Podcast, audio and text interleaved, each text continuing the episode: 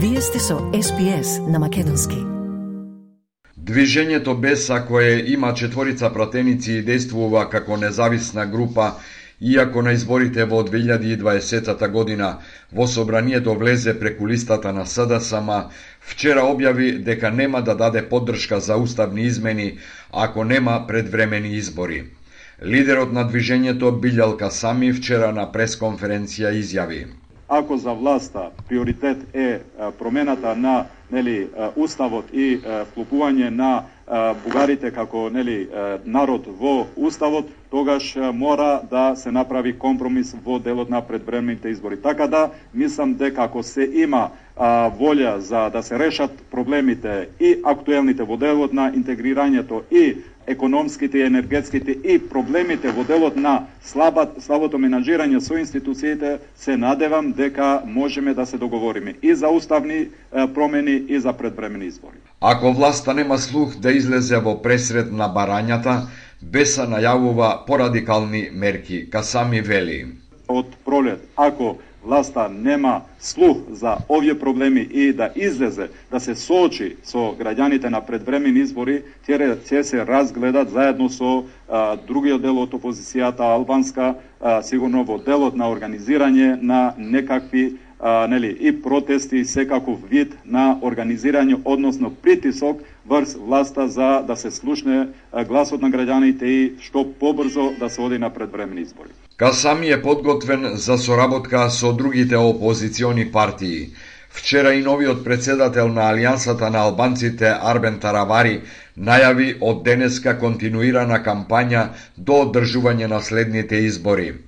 И ВМРО ДПМН и СДСМ со месеци се во континуирана кампања, иако премиерот упорно тврди дека нема да има предвремени избори.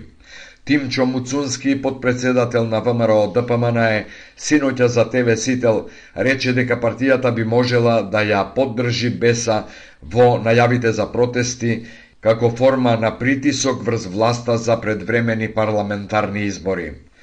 Министерот за внатрешни работи Оливер Спасовски во саботата, одговарајќи на новинарско прашање во Кавадарци во однос на најавите за поставени експлозивни направи во неколку училишта во Кавадарци, за медиумите изјави дека целиот случај е расчистен. Можам да кажам дека целосно е расчистен случајот. Денеска се поднесува кривичната пријава до соодветното јавно обвинителство, така да откриене сторителот и е затворен целиот. Во саботата на 24 Спасовски на својот Фейсбук подсети на собраниските настани од пред 10 години.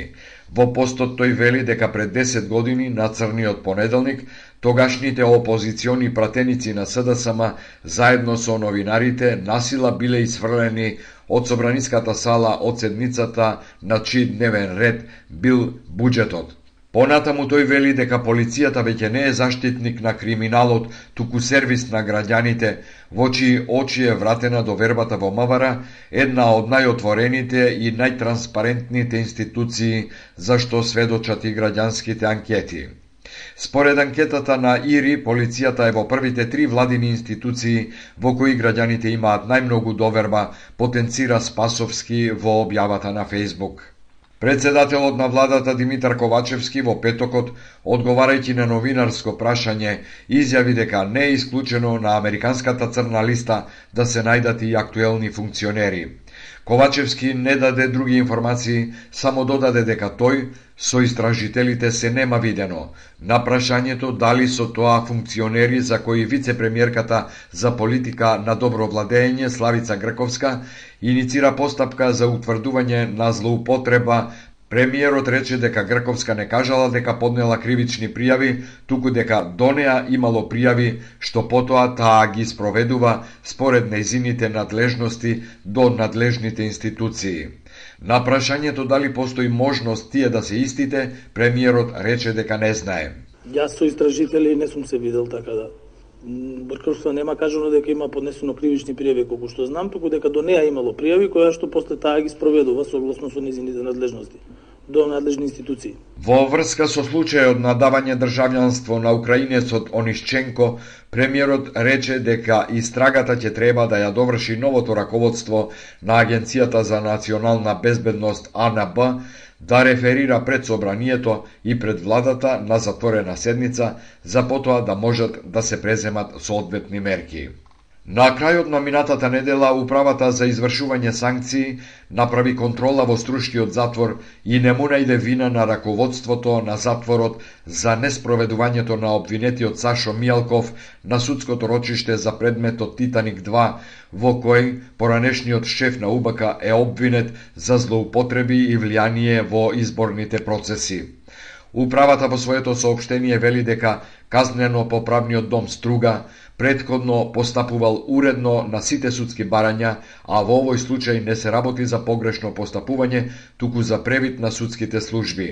Управата за извршување санкции не смета дека постои одговорност кај било кој вработен во КПД Струга. Кривичниот суд во 2019-та го осуди поранешниот директор на УБК Сашо Мијалков за случајот Титаник 2 за примање награда за противзаконито влијание.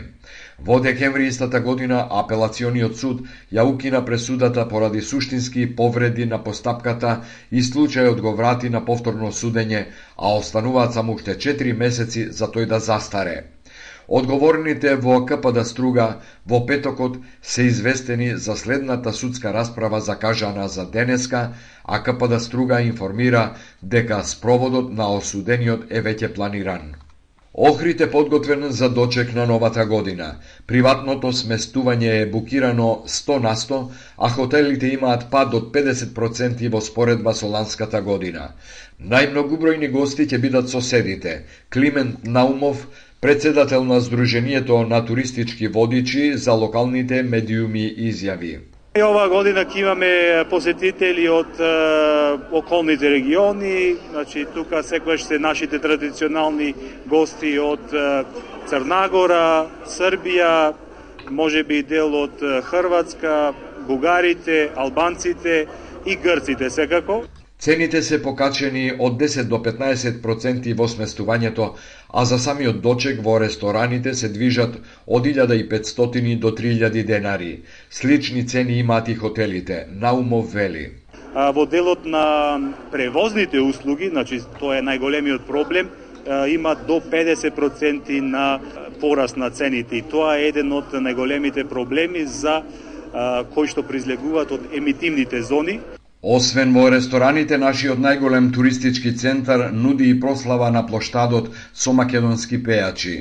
Кирил Пецаков, градоначалник на Охрид, на пресконференција соопшти. На плоштадот ќе настапат естрадните уметници Петар Нежовски, Татјана Стефановска, Ѓоко Танески, Евто Пупиновски, Миле Кузмановски и диджеите Багзи и Јана Слеј. Новогодишната програма во Охрид продолжува на 1 јануари точно напладне со настап на Марија Савеска и групата Камелион на градскиот плоштад, за новогодишните празници од буџетот на општината ќе се издвојат околу 2 милиони денари. Охрид и изминатиот викенд беше пон со гости што го слават Божик по новиот календар, како на пример грците, кои во Охрид беа речиси најмногубројни странски гости. Традиционално и оваа година нуркачите од нуркачкиот центар Амфора од Охрид ја накитија подводната новогодишна елка во Охридското езеро кај музеот на вода. Како и секоја и оваа нова 2023 година, нуркачите од Амфора елката им ја посветуваат на децата со редки болести со желба за здравје, успех и среќно детство, соопштува нуркачкиот центар, честитајќи им ја новата година на сите граѓани. Посетителите на Музеот на вода елката ќе можат да ја видат до крајот на јануари. Сакате ли да чуете повеќе прилози како овој? Слушате подкаст преку Apple Podcasts, Google Podcasts, Spotify или од каде и да ги добивате вашите подкасти.